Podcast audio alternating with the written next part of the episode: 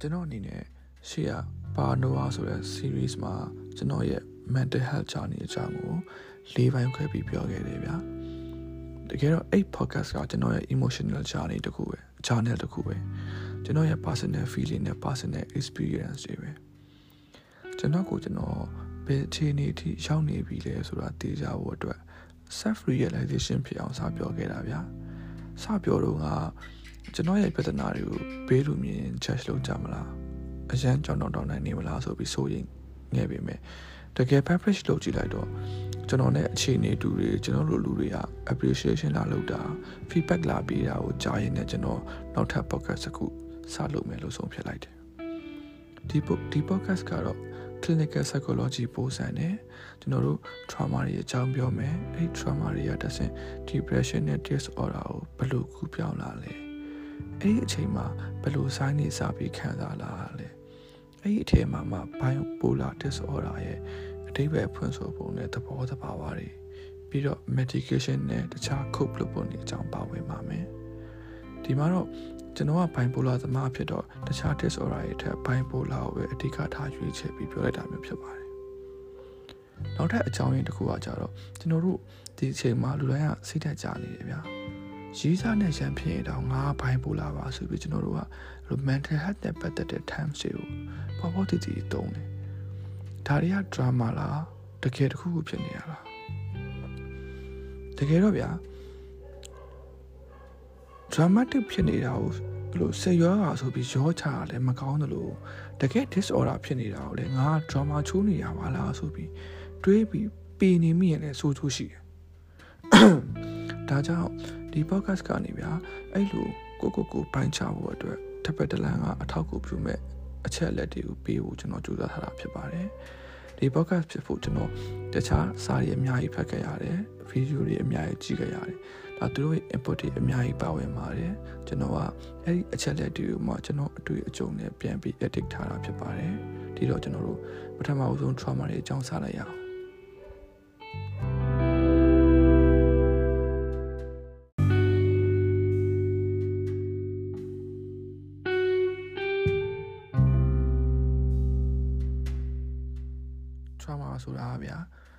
တ်တရက်မမျော်လင့်မဲဖြစ်လာတဲ့အခြေအနေတခုကိုဦးနောက်ကမှန်မှန်ကန်ကန်မတုံ့ပြန်နိုင် fashion နေမှုလိုက်တဲ့အချိန်မှာ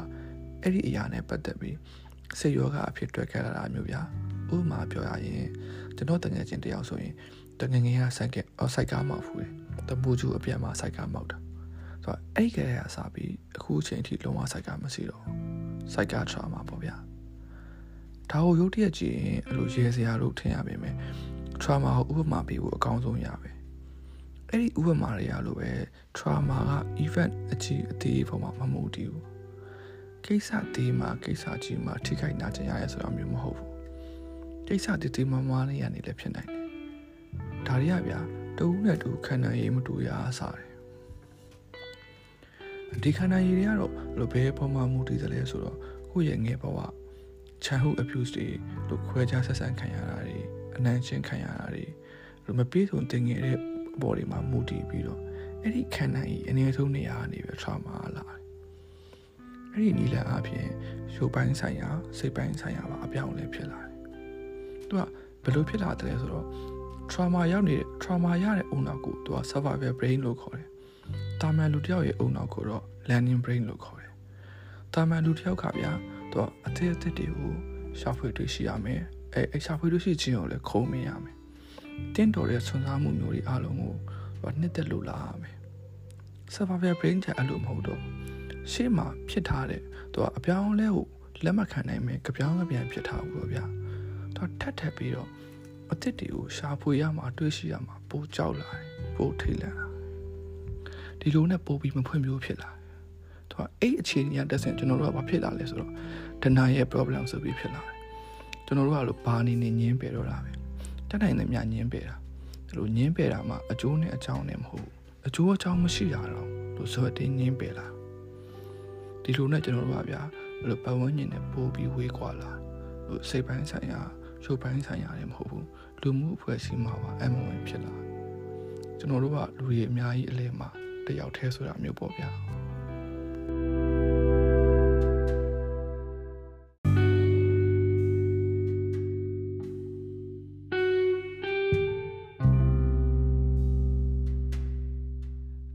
အဲ့တော့ကျွန်တော်တို့အနေနဲ့ trauma တွေကိုမချေဖျက်နိုင်မဲနဲ့ disorder ဆိုတဲ့အခြေအနေတစ်ခုကိုရောက်လာရင်ဘယ်လို sign တွေဖြစ်နေပြီလဲဆိုတာမျိုးတစ်ချက်ကြည့်ကြည့်အောင်တကယ်တော့ဗျာအဲ့လို sign တွေ symptoms တွေက Google မှာအများကြီးရှာလို့ရတယ်ဒါပေမဲ့ဒီအချက်လက်တွေကတော့ကျွန်တော်ကိုယ်တိုင်ဖြစ်တဲ့ခံစားခဲ့ရတဲ့အချက်လက်အမှန်တွေပဲကျွန်တော်ပထမဦးဆုံးဆူဆူဝါးဝါခံရတာ panic attack ဗျကျွန်တော်ကဗျာအဲ့လိုကျွန်တော် trauma ရထားတဲ့အကြောင်းအရာတစ်ခုကိုတယောက်ကလာပြောရင် တိုက်ဆိုင်တာမျိုးရှင်အဲ့လိုရှင်ကချက်ချင်းလေးလာအသက်ရှူလို့မရတော့တခုခုအကြောင်းမဲ့ကြီးဆေးလေးလာတာမျိုးပဲဘာလို့မှအကောင်းမြင်လို့မရတော့တယ်လို့ဒေါသထွက်လာအသက်ရှူဖို့စူးစမ်းလေအသက်ကရှူလို့မရလေအဲ့ဒါကို panic attack လို့ခေါ်တယ် panic attack ပါဆိုတာကိုမသိခင်တော့တော်တော်ခံရတာတိမှနည်းနည်းလေးပြန်ထိနိုင်သွားတာနောက်တစ်ခုကသိတာလားကတော့ sleepy and eating disorder ပဲ depression သမားကတခါတလေအရန်အိတ်တယ် အိတ်ရင်လွတ်မြောက်ပြီဆိုပြီးဆိုအိတ်တယ်ခါလေကျရင်လည်းဘာမှမအိတ်ဘူးလုံးဝမအိတ်ဘူးတခါတလေတနေ့ကိုရှင်းရက်လောက်စားတယ်လို့စားလိုက်အိတ်လိုက်နေတယ်တခါလေကျရင်လည်းတနေ့ကုန်နဲ့တနက်ပဲစားရတယ်နောက်ထပ်သိတာဖြစ်တာ dehydration များကျွန်တော်ဆိုနှာခေါင်းနေနှာခမ်းနေရလို့အများတန်းလို့6တွေ့နေလို့အတန်နေဆိုလည်းအများတန်းကွဲအပ်နေအဲ့လိုနှာခမ်းရေကုန်နေလည်းခွာပေါ့ဗျာသိတယ်မလားအရန်ကို display ဖြစ်တာလူကအဲ့လိုအမြဲတမ်းတုံ့လုံနေပြီး တကယ်ဖြစ်မလာမယ့်ကိစ္စတွေကိုအရန်တွေးပြီးကြောက်တာပဲလောကကြီးကဘလို့နေနေတော့သာမရှိဘူးဆိုတာမျိုးဖြစ်နေရဗျာဒီလားအဲ့ဒါအပြင်ကျွန်တော်တို့ဘာဖြစ်လာလဲဆိုတော့ addiction level တွေအရန်တက်လာတယ် addiction level တက်လာတာမှကျွန်တော်တို့ substance တွေတုံးလာတယ် beer ကိုနေ့စဉ်ရက်ဆက်တောက်လာတယ် drugs တွေတုံးတယ်တုံးတာမှဗျာနေရောညရောမလေးရမဖြစ်ဆိုတာမျိုးထိပဲနောက်ထပ်ဘာဖြစ်လာလဲဆိုတော့လူတွေနဲ့ပိုးပိုးပြီးဝေးဝေးနေလာတော့ social media addict ဖြစ်လာတယ်ဒါပေမဲ့ social media addict ဖြစ်ရင်ပဲ social media addict ဖြစ်မှုကနေလာတဲ့တန်းတွေကိုခံရတယ်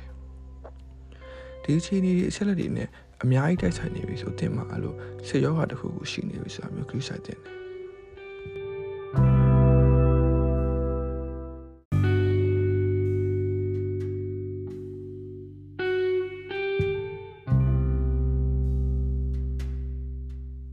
ကျွန်တော်တို့အဲ့လို trauma တွေကတစ်ဆင့်မှာ ထပ်ပြီးတော့ဖြစ်လာတဲ့ disorder တွေအကြောင်းတွေက disorder တွေက bipolar ဆိုတဲ့ disorder အကြောင်းပြောအောင် bipolar ကဘာလဲဆိုတော့ extreme high နဲ့ extreme low ဗျာသူကဘယ်လို extreme high နဲ့ extreme low လဲဆိုတော့ကိုယ့်ရဲ့ mood energy ability အစားရှိရတဲ့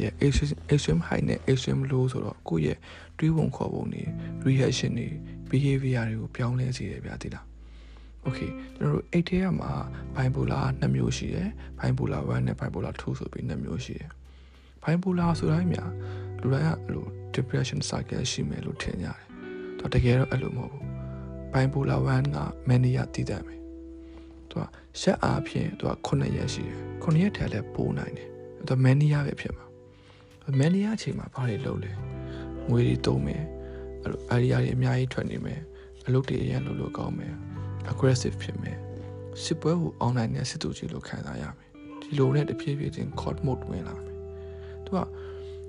ဒါပေမဲ့ဗျာအဲ့ဒီလေရင်ကအယူမောင်းနေလေတစ်ချိန်ကြာရင်ပြတ်ကြမှာအဲ့ဒီအချိန်မှာချနေတဲ့ဆုံးဖြတ်ချက်တွေအပြုအမူတွေကအရန်ခက်တဲ့ edge ဖြစ်ပြီးတော့ aggressive ဆန်နေတာပိုများတော့ဗျာဖြစ်တဲ့အမှန်တရားမဟုတ်ဘဲနဲ့အဆုံးသတ်မှာအသိရရတဲ့အမားတွေကြီးဖြစ်နေတာမျိုးဗျာဒါကြောင့်မို့ bipolar 1သမားတွေကအဲ့လိုအဆိုးဆုံးအခြေအနေမှာပဲ emergency unit ကိုရောက်လာတာဆိုပြီးအဲ့လို psychiatrist ယောက်ကပြောဘူးလေနောက်တစ်ခုကအဲ့ဒီအချိန်မှာသိတာလား sleeping issue ပဲမန်နီယာကာလာရောက်လာပြီဆိုရင်လူကသိအိတ်ဆရာမလို့တော့အရန်လန်းဆန်းနေည3နာရီလောက်မှအိပ်ပျော်တယ်6နာရီဆိုရင်ပြန်ပြီးဖို့နိုးနေပြီအဲ့ဒါမျိုးခုနှစ်စတိုက်ဖြစ်လာပြီဒါဆိုရင်စစ်စီဖို့လိုလာတဲ့ဘိုင်ပိုလာ1ပဲ အဲ့ဒီမန်နီယာဗျာသူကအခြေအနေဘယ်လောက်ထိဆိုးရတယ်လဲဆိုတော့ဘုရားသခင်ကငါ့ကိုစကားလာပြောတယ်လို့ဘာလို့ထိတွေးတဲ့အခြေအနေထိဆိုးရတယ်အဲ့တော့ကျွန်တော်တို့ဘိုင်ပိုလာ2အကြောင်းကြည့်အောင်ဘိုင်ပိုလာ2ကတော့သူက hypomania ဖြစ်တာ4 days hypomania hypomania ဖြစ်တဲ့အတွက် bipolar 1ရဲ့ mania လောက်တော့မကြည့်ဘူးသို့တော့ mania တော့ဖြစ်တယ်သူက4ရက်လောက် mania ဖြစ်တယ်အဲ့ bipolar 2မှာလည်းလူတွေထင်တယ်လို့ bipolar 1လာလိုက်အာ sorry depression လာလိုက် mania လာလိုက်မဟုတ်ဘူးသူတို့ mania 4ရက်လာမယ်ပုံမှန်ပြန်ကောင်းရင်ကောင်းသွားမယ်ပြီးရင် depression 2ရက်လောက်ပဲကောင်းဝင်နေနိုင်တယ်ရုပ်တရက်လူကြားရေးစီကပျောက်သွားမယ်အဲ့ဒါမျိုးဖြစ်နိုင်တယ်ဗျာအဲ့ဒါမျိုးကျွန်တော်တို့က bipolar 2လို့ခေါ်တာဒီနေရာမှာကျွန်တော်ရှေ့ကပြောခဲ့သလိုဗျာလူတိုင်းကတာမန်ကိစ္စလေးတွေမှာတောင်မှတာမန်မှုဆွင်းလေးတွေမှာတောင်မှဘိုင်ပိုလာဆိုပြီးသုံးကြတယ်အဲ့ဒါကိုဘယ်လိုမြင်လဲလို့ပြောရင်တကယ်တော့ဗျာ တာမန်မှုဆွင်းနဲ့ဘိုင်ပိုလာဆိုတာဘာမှကိုမဆိုင်ဘူးတာမန်မှုဆွင်းကအလိုမီးပုံလောက်ဆိုရင်ဘိုင်ပိုလာဗျာလို့မီးတောင်ကြီးလိုပဲတကယ်ကိုအဲ့ရတွေကမထားနိုင်ပဲကိုယ်တိုင်မတားဆီးနိုင်တဲ့ရှေ့တိုင်းလုံးကြီးပဲဒီနေ့တော့ကျွန်တော်တို့အန်ထရာမာတွေအကြောင်းဖြစ်တဲ့ science တွေအကြောင်းနဲ့ကျွန်တော်တို့ဘိုင်ပိုလာအကြောင်းကိုပြောသွားပါတယ်ကျွန်တော်ဒီနေ့ဒီထိနားထောင်ပေးအတွက်အားလုံးအကျဉ်းကျေးဇူးတင်ပါတယ်နောက်ထပ် podcast မှာတော့ကျွန်တော်အနေနဲ့ site B ဆိုပြီးတော့ medication နဲ့ဘယ်လိုခုတ်ဖို့လဲဆိုတဲ့အကြောင်းကိုဆက်ပြီးပြောသားပါမယ်အားလုံးကျေးဇူးတင်ပါတယ်အားလုံးလည်းစိတ်ချချတသားနဲ့တထောင်တသားရှိကြပါစေလို့ဆုတောင်းပေးလိုက်ပါတယ်